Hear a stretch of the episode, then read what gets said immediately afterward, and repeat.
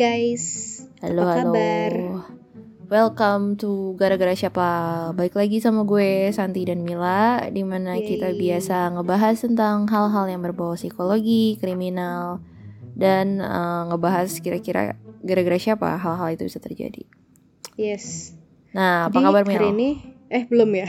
Ya, kita intro dulu dong Oke, Apa kabar, apa kabar? Baik. How's eh enggak deh, your- gue lagi flu, lagi batuk pilek. Oh, Nggak hmm. baik berarti. covid ya? Semoga bukan COVID. Eh, Enggak tahu, Oh. jangan. Gue cek antigen dua kali sih negatif, tapi Iya nggak tahu deh. Semoga Memang bukan. sekarang kayaknya covid lagi naik banget sih Jadi Iya, nggak makanya banget, kan. cuman lagi naik Kayak beberapa ada Mm-mm. yang positif gitu Iya, sehat-sehat ya San dan keluarga Ya, lo. lo, juga ya. Mm-mm, amin. By the way, eh, untuk Sunmil rekomend sekali ini, kira-kira kita mau ngerekomenin apa nih? Oh ya, anyway kita berdua lagi sama-sama Tyler. Jadi mungkin nanti kayak, oh iya, lo bilang, iya. gitu. Iya, gue Cuma- lagi. Eh, terus gue kayak, ya lagi banyak Ngantuk. apa? Ya nggak tahu kurang tidur or whatever, jadi ngantuk kan. Anyway, for Sunmil recommends, apa yang kali ini mau lo rekomendasiin? Gue, gue mau ngerekomendasiin lagunya J. J itu siapa? J itu adalah dia adalah mantan gitarisnya Day6 band Korea. Sekarang dia solo, namanya Hmm. Each. Jadi J dibalik Each. E A J gitu. Hmm. Hmm. Terus dia ngeluarin banyak eh, lagu-lagu. Nah, yang kemarin itu sebenarnya lagunya yang baru dia keluarin kemarin banget tanggal 27 itu Mhm. Eh, lagu lagu yang lamanya sebenarnya. Lagu yang udah pernah Judulnya dia apa? keluarin cuma Castle in the Sky. Cuma yang Oh. ini kayak versi yang berbeda. Dia judulnya ada dalam kurung Ghibli inspired. Jadi kayak lebih mellow gitu. Hmm. Cuma beda aransemennya aja sih, tapi sebenarnya lagunya Kayaknya sama, belum pernah sama. deh. Lo belum ya? Emang baru sih, baru dua hari yang lalu. Hmm. Ntar udah gue dengerin. Oke, aku lebih suka ini. Enggak deh, gue suka dua-duanya. Tapi kayak ini lebih kayak lebih kena ke hati aja rasanya. Begitu. Oke, oke. Apa rekomendasimu Santi? Kalau gue, gue bukan lagu sih, tapi gue mau ngerekomendasiin fitur baru di GrabFood. gue mau ngerekomendasiin supaya tapi ini tuh murah banget. Jadi maksud gue kayak sekarang tuh ada dine in kan. Kan kita kan udah udah beberapa kali ke mall terus kita pakai voucher dine in. Nah, itu yang mau gue Hmm, rekomendasiin sekarang soalnya banyak banget voucher yang kayak cuma sepuluh ribu itu tuh hmm. value-nya bisa dua ribuan gitu kayak kemarin gue beli misalnya eh, ramen cuman sepuluh ribu doang di Gokana nggak kaleng-kaleng maksudnya kayak oh. beneran Heeh. terus udah gitu lo beli sekarang lo masih bisa pakai sampai 30 hari ke depan gitu Oh, mantep nice. banget Makanya ini kayak belum banyak yang tahu tapi begitu kayak kalau misalnya ada satu sosmed yang kayak gila diskon gitu-gitu yang ngepost tuh Hmm. kayak langsung viral gitu loh jadi kayak Hmm. emang Wow. emang kurang awareness aja sih menurut gue cuman Iya, heeh. gue sendiri gue pakai gitu karena emang menurut gue emang murah sih gimana jauh lebih murah jadi Iya. misalnya voucher gue karena seratus ribu harganya enam puluh ribu terus Iya, kalau kan? misalnya lo nggak pakai sampai 30 hari ke depan itu di refund men Hah, serius? iya Wede, keren juga. gila emang nah itu semoga Iya, bagus semoga berguna nih GMV GMV oke gitu Oke, oke, ntar gue cobain. Thank you Santi rekomendasinya. Iya, sama-sama. Oke, go to the main topic. Jadi hari ini gue mau cerita. Oke, mau cerita apa? Oke, gue mau ke cerita kasus sebuah kasus gitu lah. Karena Hmm. uh, kita kemarin udah yang berat-berat. Hari ini gue mau cerita sesuatu yang nggak yang berat juga sih. Cuman ya you know lah, maksudnya kayak nggak yang nggak relatable. Gak relatable. Yang ini Intinya relatable kasus berarti. ini uh, yang lain relatable. Kemarin kan anxiety, depression kan lumayan Mm-mm. relatable ya. Kalau yang Oke, sekarang? kalau kasus sekarang ini rada-rada bizarre sebenarnya. Jadi ini tuh Oh. sebenarnya one of the unsolved cases yang belum terselesaikan. Cuma mungkin ada satu penjelasan yang menurut gue masuk akal gitu. Jadi ini Hmm, tentang keluarga di Burari. Nah lo pernah dengar atau enggak? enggak. Eh, Bu Burari. Ah, Hmm, yang mungkin di lo pernah itu dengar apa? tapi lo nggak tahu ceritanya. Yang di Netflix tuh apa? Kayaknya depannya Iya, B iya, juga itu, deh. Iya benar. ha. Ah, tapi gue belum nonton. Ah iya iya. Gue tahu lo pasti Oke. belum nonton. Belum. Oke, Oke, gue oke. ceritain aja ya. Nah, sebenarnya ini Hmm. kasusnya rada susah karena orangnya banyak, tapi gue pelan-pelan ya. Semoga bisa Oke. diikutin. Oke. Sebenarnya nggak, lo nggak harus ngafalin semua namanya sih, karena kan India susah ya. Oke, jadi ada Oh, satu India. keluarga. Kenapa Nama- India melulu? Namanya susah, sorry. Oke, namanya oke. susah, maksud namanya susah di Kayak saat itu rasis namanya sama India semua. gak sih? Enggak, enggak namanya sama semua gitu loh. Ah, lu Oke, bukan kayak rasis gitu. Ya, ya, ya. sorry. Oke, go on. Oke, anyway. Jadi ada satu keluarga namanya keluarga Cundawat. Nah, ini keluarga tuh gede banget tinggal di satu rumah. Ada 11 orang. Gue coba jabarin Hmm. satu-satu ya. Oke. Yang pertama, si nenek namanya Narayani Devi, umurnya 80 tahun. Nah, Ibu Narayani ini punya suami. Lo nggak usah ngafalin namanya banget ya. Lo cuma tahu aja kalau misalnya ada nenek-nenek umur 80 tahun di keluarga ini, dia punya suami, suaminya udah meninggal. Nah, Hmm. dia tinggal sama anak-anak dan cucu-cucunya. Jadi, anaknya tuh ada tiga. Yang pertama itu cewek namanya Fatima Batia dan anaknya Priyanka umur 33. Terus yang anak kedua ada namanya Bhavnesh, cowok. Terus dia tinggal sama istrinya, Savita sama anaknya tiga. Buset banget kan. Nih itu Mono sama Dhruv. Nah, Oke. Terus yang ketiga anak terakhir nih namanya Lalit umur 45. Dia sama istrinya Tina dan sama anaknya Shivam Hmm. gitu. Jadi eh, intinya 11 orang lah total ya. Jadi pokoknya eh, tiga orang terus sama anak-anaknya anak dan istrinya gitu lah. Mm-mm. Terus oh yang pertama anak pertama kan eh, Fatima Batio cewek kan. Nah dia tuh janda. Jadi dia gak punya suami. Jadi yang dia cuma tinggal sama anaknya doang gitu. Hmm. Nah, keluarga ini tuh kayak punya toko gitu di rumahnya, kayak semacam toko kelontong gitulah. Jadi tiap hari mereka jualan. Nah, Mm-mm. si anaknya, si kakak pertama, si anaknya si ibu-ibu yang cewek ini, namanya Priyanka. Nah, itu tuh mereka lagi eh, wedding gitu malamnya, kayak party gitulah. Eh, karena lagi ada kayak suatu malam mereka lagi party-party gitu Hmm. gitu. Intinya mereka tuh di suatu hari ini gitu, malam itu gitu kan ini kan lagi malam-malam gitu ya. Nah mereka Hmm. tuh lagi party terus udah gitu eh, kondisi keluarganya juga tetangganya pada tahu satu sama lain gitu kan terus rame gitu. Terus em, pas malam-malam si salah satu anaknya itu eh, kayak jalan-jalan sama anjingnya namanya Tommy gitu kan. Jadi kayak itu tuh suatu malam yang lumayan eh, tentram gitu lah ya. Nah Hmm. itu hari Sabtu. Nah hari Minggu besokannya ada bunyi berisik klakson gitu yang ngebangunin tetangga-tetangga. Kenapa? Karena mereka nggak ngambil kiriman susu paginya si keluarga ini gitu. Biasanya si bapak-bapak anak dua itu dia keluar ngambil kiriman susu pagi, tapi Hmm. nggak keluar-keluar. Jadinya tuh susu ditinggalin aja gitu kan di situ. Hmm. Nah tetangganya ngerasa ini kok aneh banget ya Ngapa si bapak ini nggak keluar Biasanya kan dia keluar gitu kan Buat buka toko kelontongnya gitu Soalnya biasanya toko kelontongnya buka jam setengah enam Tapi ini udah jam tujuan gitu Dia belum, Belum ada. keluar gitu Hmm. Nah ada satu tetangga bapak-bapak Dia samperin ke rumahnya Udah dipanggil-panggil nih ya woi gitu kan Eh nggak woi sih Cuman udah dipanggil-panggil tapi nggak ada yang nyaut Nah akhirnya dia Hmm. coba masuk ke dalam Pintunya nggak dikunci Hmm. sebenarnya dia nggak pernah masuk kan ke rumah mereka jadi ini pertama kalinya gitu Hmm. jadi toko kelontongnya tuh kayak beli dari luar gitu loh kayaknya ya Hmm. Hmm, hmm, hmm. nah terus pas dia masuk kan dia masuk agak ke dalam tuh nah ini ruang tamu gitu kan nah ruang tamunya itu lumayan gede nah di ruang tamunya itu bagian atapnya tuh kayak ini kan tiga lantai ya bagian atapnya tuh kayak nggak fully nutup gitu jadi kayak bukan plafon tapi jeruji besi gitu Hmm, Kok serem sih? Nah, di ruang tamu itulah si bapak tetangga ini ngelihat sesuatu yang super shocking sampai dia keluar teriak-teriak lari-lari. Berarti apa dia? Nah, dia ngeliat apa? Dia ngelihat sekitar 10 orang ngegantung di atas dari jeruji besi Oh my itu. god. Ngebentuk lingkaran gitu. Udah nggak bernyawa. Ngegantung berarti maksud kayak gantung diri semua Gantung gitu. diri, iya bener. Wow. Itu Terus? horor banget. sih. Iyalah, Kebayang. Gue ngebayanginnya juga buset. 10 orang kayak kegantung gitu kayak what the fuck. Menangis. Terus Terus? akhirnya semuanya pada gaduh banget kan kayak polisi Hmm. langsung berdatangan lalala gitu kan jadi eh, mereka tuh ngegantung di lehernya pakai kain gitu bagian mukanya tuh ditutup kupingnya ditutup pakai penyumbat kuping gitu Eh, mulut sama tangannya diplester tangannya diikat ke belakang tangan semuanya diikat ke belakang loh ya jadi kayak Hmm. agak unusual. Nah terus eh, ternyata mukanya tuh ditutup pakai kain yang dipotong-potong dari spray tempat tidur mereka gitu. Hmm. Nah, si neneknya kan ini 10 orang kan. Neneknya itu nggak ngegantung, tapi ditemuin di dalam kamar. Dia juga meninggalnya strangled gitu, dicekek gitu. Hmm. Ada yang selamat, tapi bukan 11 orang itu. Yang selamat anjingnya, si Tommy. Oh.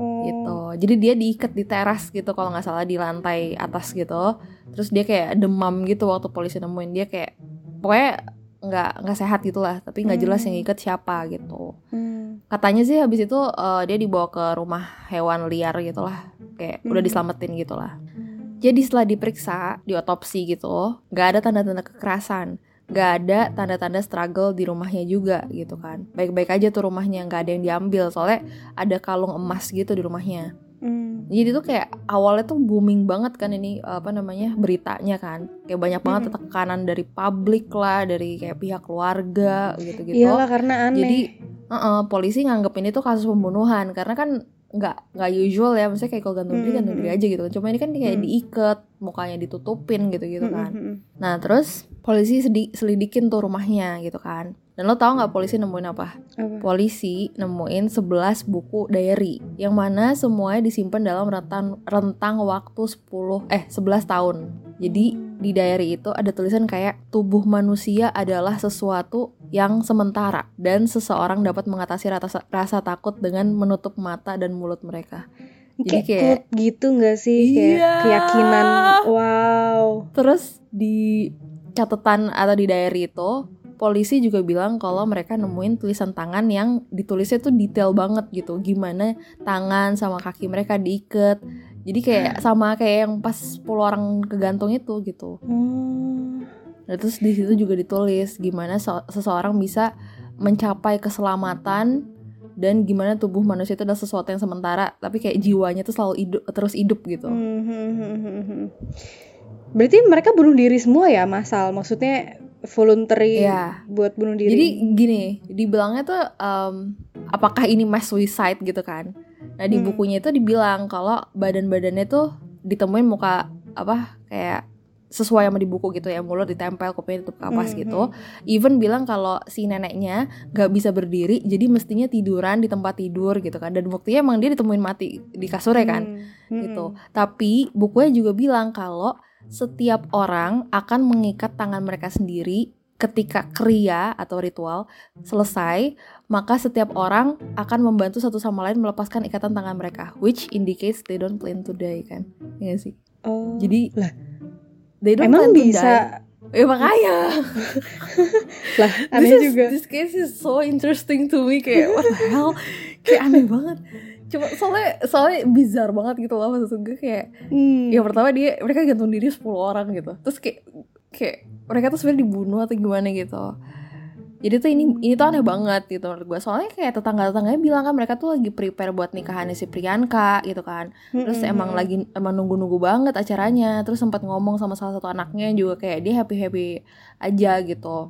Nggak ada tanda-tanda Nggak ada yang depres aneh, terus sedih heeh. terus kayak bilang kalau keluarga itu tuh emang financially decent gitu loh. Kayak Hmm. menengah ke atas lah dan nggak ada kekurangan uang atau gimana gitu. Bahkan nggak ada nggak ada musuh juga gitu. Hmm. gitu Mel. Nah setelah ditelaah diary-nya ada analisis tulisan tangan yang mengungkap kalau yang nulis diary itu adalah si Priyanka yang mau nikah tadi sama Nitu anaknya si kakak kedua berarti ini nggak Tapi- semua nulis masing-masing ya tapi tulisannya itu mendikte dari kata-kata si Lalit anak ketiga anak ketiga yang katanya Oke. adalah kata-kata dari arwah almarhum bapaknya. Jadi singkat cerita Lalit adalah dalang dari semua kejadian ini gitu Hmm. karena Lalit ngaku-ngaku kalau dia dirasukin sama bapaknya dibisikin sama bapaknya yang udah meninggal itu si Hmm. kakek itu terus semua orang percaya aja gitu Iya, terus dia bilang ke anggota keluarga dia kalau jiwa ayahnya masuk ke badannya gitu kan. Jadi Lucu juga ngikutin. dari 11 orang dari 10 orang nggak ada yang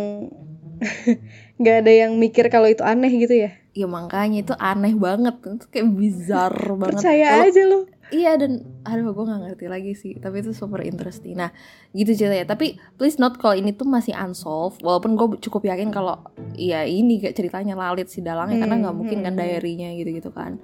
Hmm. Ya, kalau detailnya mungkin ya lu coba tonton aja tuh dokumenterinya. Judulnya Burari Deaths. Terus Iya, kalau nggak iya. salah udah di masuk list Disney gue sih Plus- cuma belum ditonton Heeh. kalau nggak salah di Disney Plus juga ada series lain tentang kasus Oh, ini. ada. Gue lupa judulnya apa. Hmm. Hmm, Dan walaupun oke. ini tragis, tapi dari psikologinya emang ada fenomena yang seperti ini yaitu namanya shared psychotic disorder. Jadi adalah kayak uh, psikotik gangguan psikotik bersama gitu. Jadi bisa mereka shared sih? berspekulasi. Iya, jadi mereka berspekulasi kalau Lalit itu ada delusional disorder dan berujung ke shared psychotic disorder yang ngajak-ngajak keluarganya gitu. Wow. Begitulah cerita saya hari ini. Terima kasih. Assalamualaikum warahmatullahi wabarakatuh.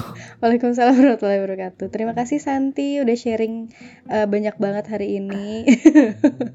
Oke, sekarang kita discuss tentang apa itu shared psychotic disorder. Nah, jadi apa Mel? Apa itu uh, gangguan psikotik bersama?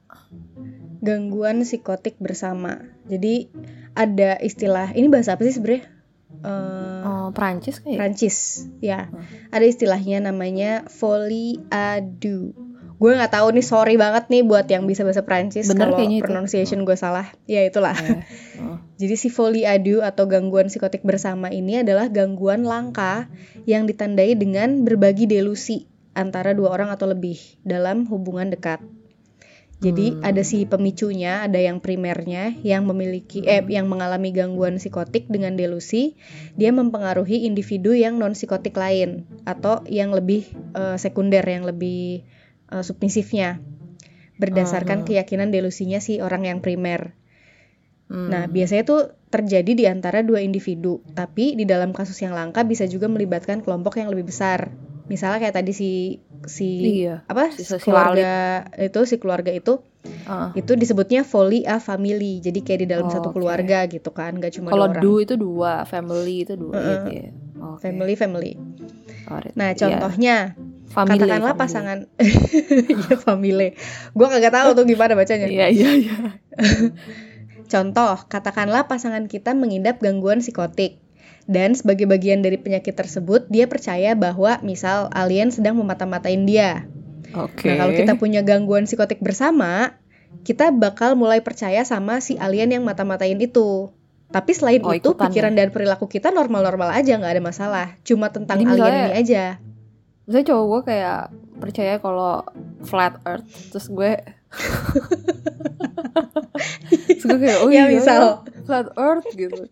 Tapi ya yeah. selain itu gue fine fine aja. Ya bisa selain aja. itu lo bisa mikir dengan baik gitu loh. Nah. cuma si flat earthnya ini aja masalahnya. Ya ya ya oke oke oke gitu nah gangguan psikotik bersama itu biasanya cuma terjadi dalam hubungan jangka panjang di mana orang yang memiliki gangguan psikotik adalah yang dominan dan orang lainnya yang lebih pasif hmm. karena kalau dua-duanya dominan kan nggak bisa dipengaruhi ya dipengaruhi nggak nggak share tuh nggak share hmm. hmm.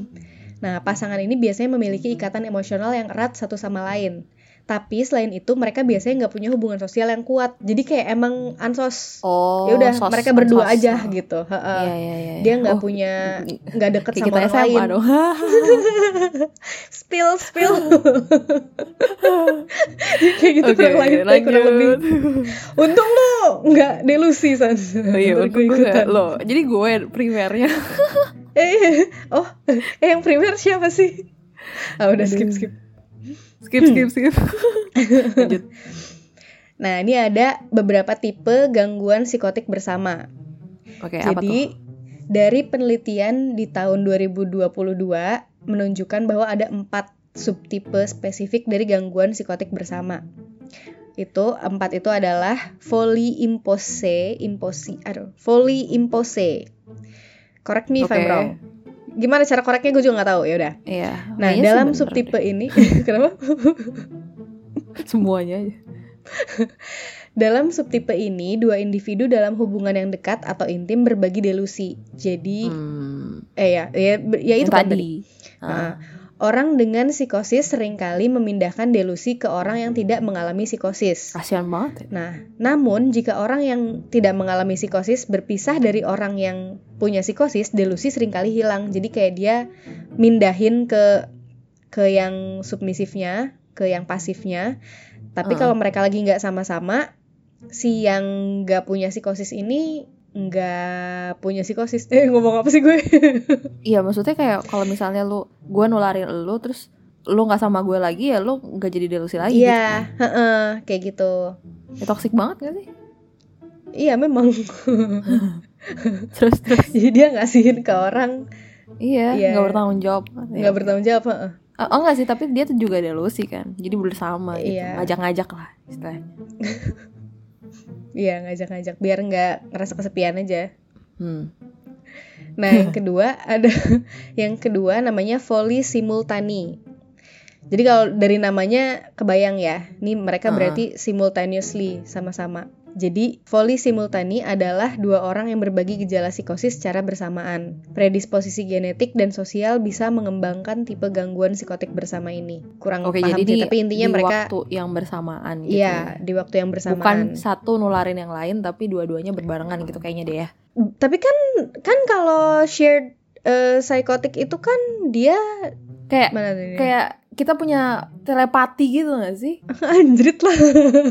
Jadi kayak iya alien itu nyata, iya alien itu nyata gitu. Yang kayak gitu, bukan yang kayak alien itu nyata, alien itu nyata. Terus kayak, hah, hah, oh iya iya alien soalnya, itu nyata gitu. Soalnya kan yang tadi disebutin shared psychotic disorder itu si pemicu primer mengalami gangguan psikotik yang mempengaruhi individu non psikotik lain yang lebih sekunder. Jadi kayak menurut gue tetap ada yang dominannya gitu loh yang mempengaruhi orang lain Coba ya kita. Nah, tapi mungkin ini uh, ngelihatnya dari situasinya mereka lagi samaan atau enggak gitu. Apa gimana? Jadi tuh biasanya kalau volley simultani itu kayak twin gitu deh. Oh really? Mm-hmm. Karena dia nyebutin ada predisposisi genetik gitu. Iya. Kurang paham sih. Simultani ya mungkin gitu kali ya. Simultaneous development of an identical delusion between two individuals with psychosis who may be closely associated. Gitu. Jadi kayaknya emang uh, apa developmentnya tuh secara berbarengan gitu delusinya. Cuman karena mereka growing up bersama jadi semakin kuat. Hmm. iya hmm. sotoy gue. Saling mengisi gitu. Iya yeah, saling melengkapi cah saling melengkapi. Oke okay, terus terus terus. Nah yang ketiga ada volley community di sini, kui, mm -mm. di sini orang kedua tanpa psikosis sering kali mengembangkan delusi bersama setelah periode resistansi. Tapi orang kedua ini masih bisa memiliki delusi setelah dipisahkan dari orang dengan psikosis. Berarti Jadi dia ngembangin ya? sendiri gitu ya. Udah hmm. di udah di udah di share nih, udah dikasih pengaruhnya, terus dia ngembangin delusi. Maksudnya dia nggak cuma nerima, tapi dia juga punya andil di situ gitu. Enggak jadi kayak eh, eh gue nggak tahu ya. Mungkin ya cuman tuh maksud gue kayak udah ditularin terus waktu berpisah dia nggak nggak sembuh gitu. Hmm mungkin. Oke. Okay. ya gak sih? Berarti beda sama yang si imposinya itu ya? Karena iya, dia setelah dipisahkan juga kan, masih oh. kayaknya nggak nggak akut gitu sih. Hmm. ya oke. Okay. yang keempat ada volley induit induit induite? Apa sih yeah.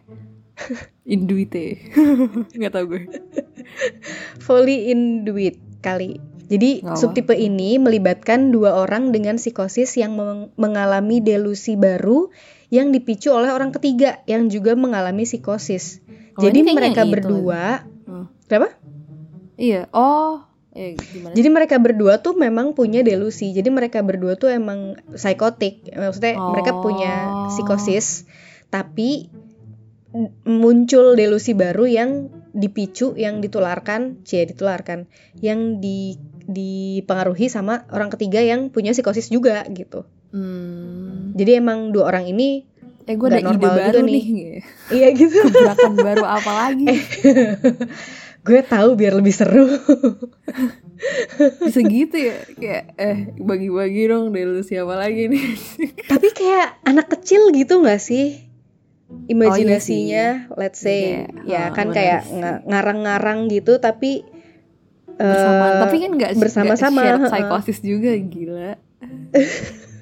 Serem amat. iya, maksudnya maksudnya kayak anak-anak gitu kan kayak sharing hmm. sesuatu yang tidak nyata gitu loh. Yeah, yeah. Hmm. terus mereka menerima-nerima aja gitu. Tapi tapi ya kalau udah gede mereka tahu kalau itu enggak gue tuh bohong gitu. Kayak enggak itu tuh cuma pikiran gue aja itu tuh nggak ada benerannya gitu loh. Hmm. Hmm Iya benar benar. Tapi oh, gue nggak iya. tahu ya. itu mungkin beda hal. Tapi tuh Iya, cuma maksudnya kalau itu kan kayak udah tahu yang bener mana. Kalau ini tuh kayak emang bener-bener percaya kalau itu nyata. Iya, itu dia bedanya berarti. Oke, okay, anyway kalau yang uh, psikosis atau kayak yang kayak gitu-gitu mungkin bisa jadi satu episode sendiri gak sih? Ya mungkin ya. Ya, Ntar kalau ada waktunya. We'll see, we'll see. Oke, okay. uh, terus gejalanya apa tuh Mil? Kalau kita punya gangguan psikotik bersama? Oke, jadi gejala umum dari gangguan psikotik bersama itu meliputi paranoia, okay. merasa curiga terhadap orang lain, merasa takut atau cemas, terus mengalami keyakinan palsu yang tidak realistis atau tetap, mm-hmm. delu de, apa halu gitu ya berarti ya? Iya, ya itu delusinya itu kan yang delusi percaya itu. Hmm terus menjadi marah saat ide kamu ditantang kayak being challenged gitu. Jadi oh, jadi marah. ya jadi kayak misalnya flat earth apaan? Enggak orang round earth kayak wah apa lo? Lo tuh yang bego gitu. Yang yeah, bener tuh flat oh. earth gitu ya. Berarti yeah, emosional ya anaknya ya? Iya marah huh, emosional. Hmm, marah. Terus Curiga memiliki ya memiliki kurangnya wawasan terhadap kesehatan mental. Oh ya ini mah menjauh hmm. dari sosial ya kan dia tadi social isolation. uh -uh, social isolation. Ide bunuh diri halusinasi yang tadi insomnia nih san lo lo lo lo lo dan satu aja langsung. Langsung panik. Jangan-jangan gue. Lah gue takut atau cemas waduh. Wah tuh dua waduh gue menjauh dari sosial lo tiga Gak lah. Kayak gitu. Jadi meliputi gejala-gejala inilah kurang lebih ya. Hmm. Nah hmm. jadi gara-gara siapa Mil? Kenapa satu orang tuh bisa kena psikosis? Okay. Even yang nggak shared deh. Hmm. Jadi emang seperti apa mental illness yang lain yang sudah hmm. kita bahas beberapa kali sebelumnya itu nggak yeah. ada satu penyebab pasti dari uh, mental illness ya sadly. termasuk psikosis. Oh. Hmm, sadly. Nggak tahu sih itu sadly atau fortunately. Eh, ya, well tapi ya intinya sama nggak yeah. ada satu penyebab yang pasti gitu karena hmm. psikosis itu bisa disebabkan oleh kombinasi kompleks dari resiko genetik perbedaan dalam perkembangan otak dan paparan hmm. terhadap stres atau trauma hmm. nah psikosis itu bisa menjadi gejala dari penyakit mental seperti skizofrenia gangguan bipolar atau depresi oh. berat namun, seseorang bisa mengalami psikosis dan tidak pernah didiagnosis dengan skizofrenia atau gangguan lain. Makanya tadi okay. yang gue bilang, psikosis tuh kayak istilah penyebutan untuk si delusi ide-ide ini gitu, tapi hmm. bukan bukan sebuah nama mental illness. Mental illnessnya oh, okay. tuh skizofrenia, gangguan bipolar gitu. Tapi si gangguan bipolar dan skizofrenia ini punya gejala psikosis. Orang yang punya skizofrenia gitu ya. Dia hmm. tuh punya pikiran-pikiran kayak gitu gitu dia punya mm -hmm. psikosis mm -hmm. jadi psikosis itu gejala simptomsnya gitu ya Iya. dari skizo mm -hmm. atau dari mm -hmm. bipolar gitu oke okay. mm -hmm. depresi berat juga bisa mm. nah untuk orang dewasa yang lebih tua gejala psikosis bisa jadi bagian dari penyakit fisik atau mental yang oh. muncul kemudian dalam hidup jadi kayak later in your life oke okay. dia okay. bisa jadi gejala dari beberapa penyakit pada usia lanjut termasuk penyakit Parkinson, Alzheimer dan demensia. Oke, okay. gitu. Mm -mm. Oh iya ya bener juga ya. Karena kan ya kan kalau lupa ya, nenek-nenek kakak gitu yang udah tua, uh, uh, degener degeneratif eh bener gak sih? Yeah. Degenerative illness, hmm. ya itu. Nah, penyebab psikosis lainnya mungkin meliputi deprivasi tidur, beberapa obat resep, dan penyalahgunaan oh, alkohol oh. atau obat-obatan. Jadi selain uh, karena penyakit mental, bisa juga si psikosis ini diakibatkan oleh uh, alkohol, obat-obatan, hmm. deprivasi tidur gitu. Jadi nggak cuma oh, dari iya? penyakit mental Lack aja. Lack of sleep bisa bikin kita halusinasi kan? Bisa banget. Iya makanya. Bisa banget. Shit. Gitu, makanya jangan ngobat loh. Waduh. Salah. Tetapi tetapi tapi saya disuruh minum obat. Gimana dong?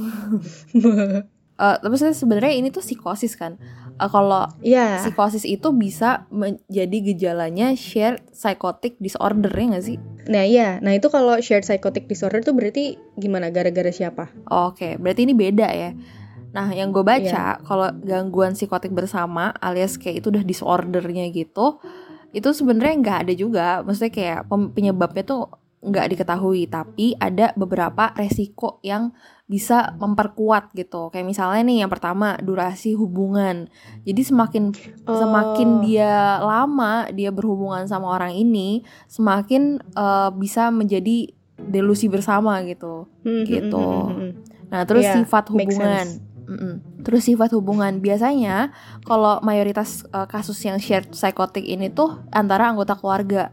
Hubungan paling umum itu pasangan yang nikah uh, atau hidup bersama dan yang kedua itu saudara perempuan yang gue tahu juga emang volley adu itu ada kasus misalnya dia kayak twin cewek hmm. gitu nah itu biasanya deket banget tuh mereka kan hubungannya keluarga hmm, hmm, hmm. gitu Iya benar. Terus uh, yang ketiga kalau misalnya kebanyakan kasus lain tuh uh, juga kalau misalnya orang yang kena ini tuh uh, mereka kayak ada interaksi yang buruk sama masyarakat alias kayak yang tadi yang lo bilang uh, social isolation gitu mereka hmm. yang emang nggak terlalu bagus hubungannya sama masyarakat di uh, luar gitu lah selain sama mereka satu sama lain yang berdua itu gitu hmm.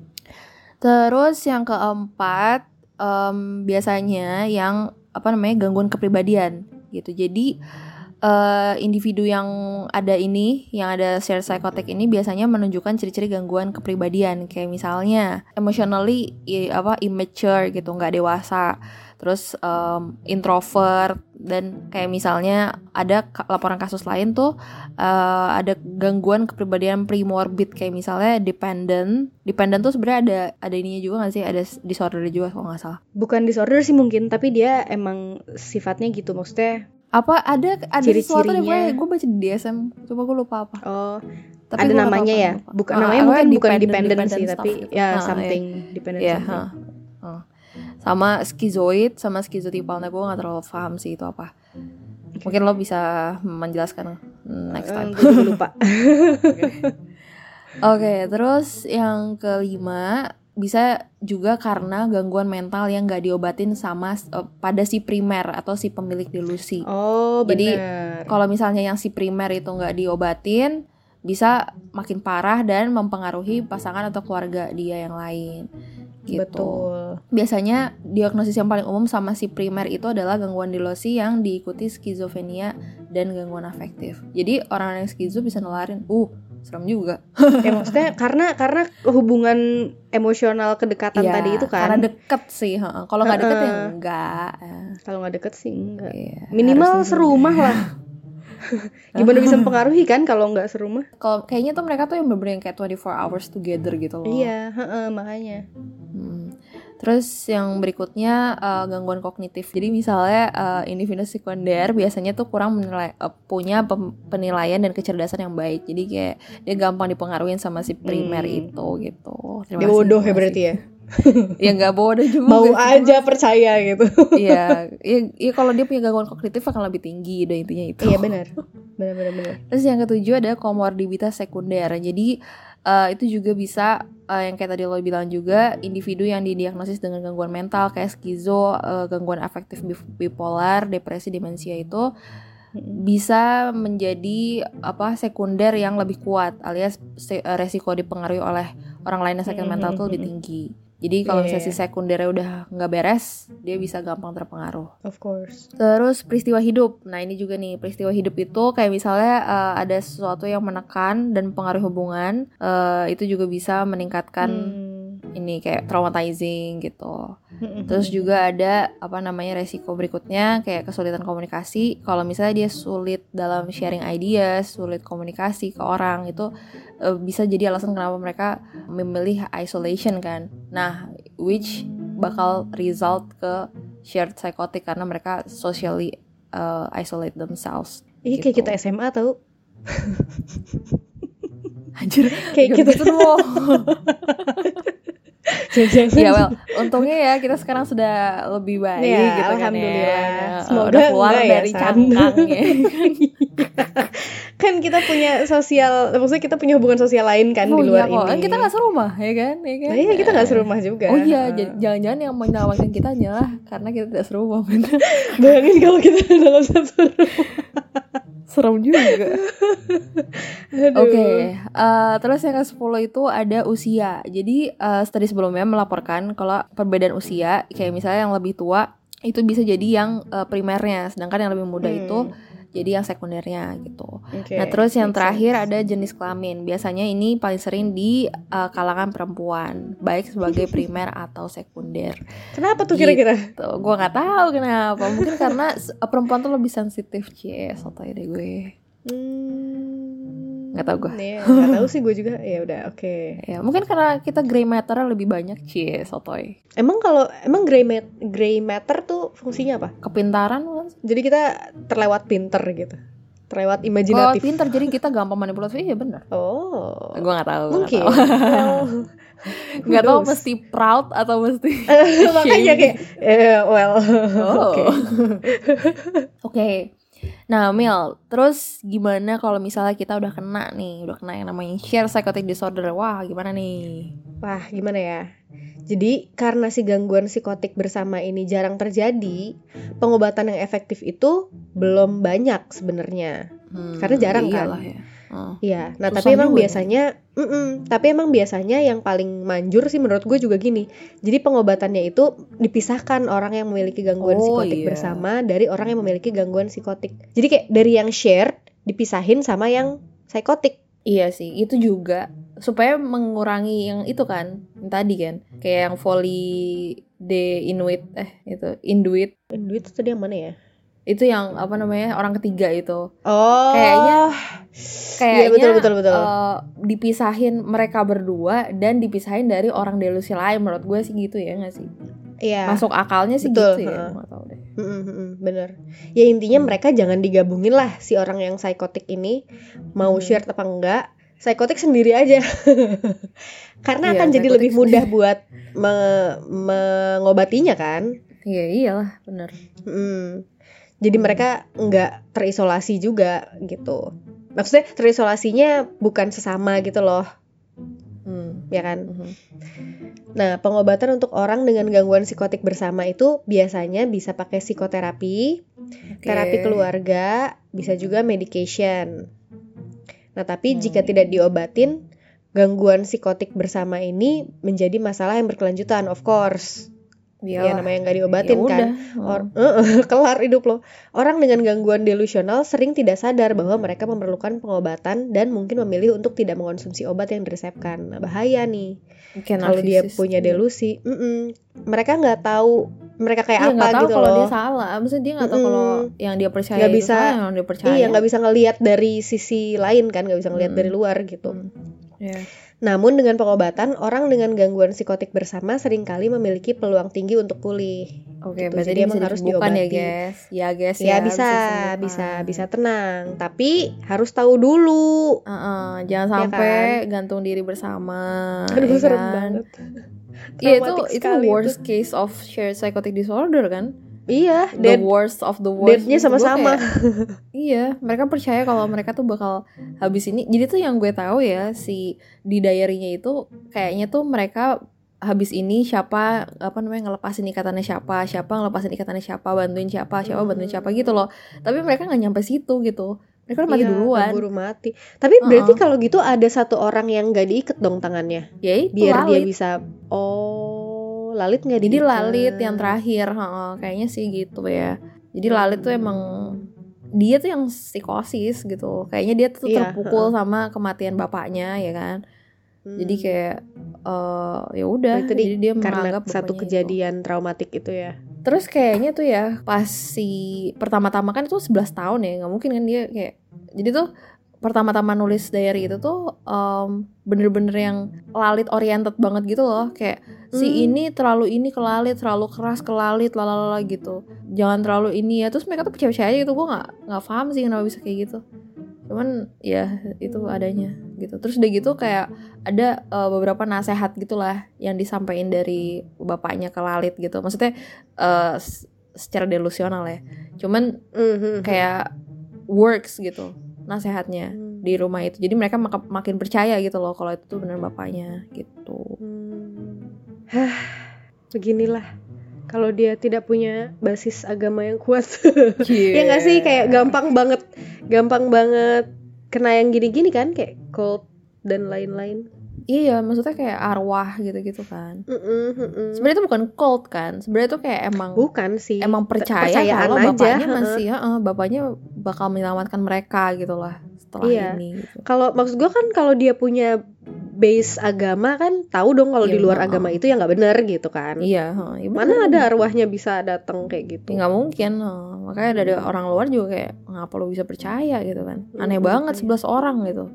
Nah itu yang dipermasalahkan di dokumenter itu kenapa sebelas orang bisa percaya kayak gitu kayak which is kind iya, impossible banyak gitu. banget nggak ada uh -uh. satupun yang mikir itu aneh dan ada CCTV-nya men CCTV-nya mereka ya mereka tuh bawa-bawa kursi gitu loh ke dalam wow. gitu emang kursi buat gantung diri mm -hmm. gitu ini kayak, CCTV oh. rumah berarti ya dalam CCTV rumah? di luar di luar rumah oh di luar uh, di luar rumah hmm. it's very Sedihnya. scary sih kayak mm-hmm. ya jadi tentang itulah intinya dan ini menurut gue salah satu yang case yang gue kayak apa ya kayak ini banget deh mesmerized banget soalnya mm.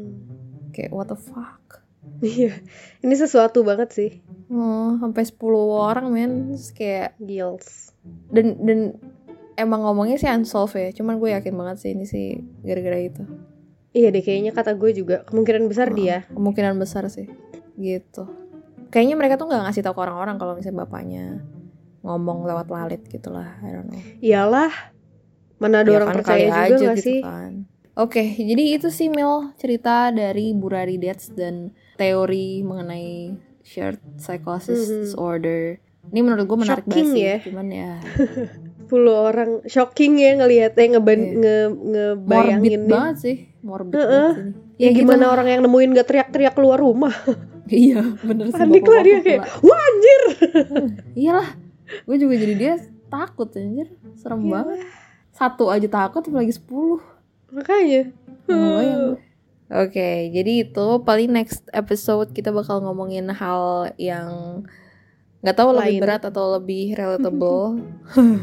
Iya tergantung. Cuman kalau misalnya uh, kalau misalnya ada uh, topik yang mau di request bisa reach out ke kita di email email kita di mana email di gara dua siapa at gmail.com duanya pakai angka dua ya gara angka dua siapa at gmail.com atau bisa juga ke Instagram Instagram Instagramnya juga sama namanya gara dua siapa. Oke. Okay. gitu. Terima kasih banyak sudah mendengarkan uh, celotehan kita yang celotehan kita yang ya begitulah. Dan keawaman kita mohon maaf apabila ada salah-salah kata. Mohon maaf kalau pronunciationnya salah. Ya oh iya benar juga. Oke okay, paling itu aja dari kita. Um, stay happy. Stay healthy. Stay sane. And, and we'll, we'll see, you see you in the next, next episode, episode. bye bye bye guys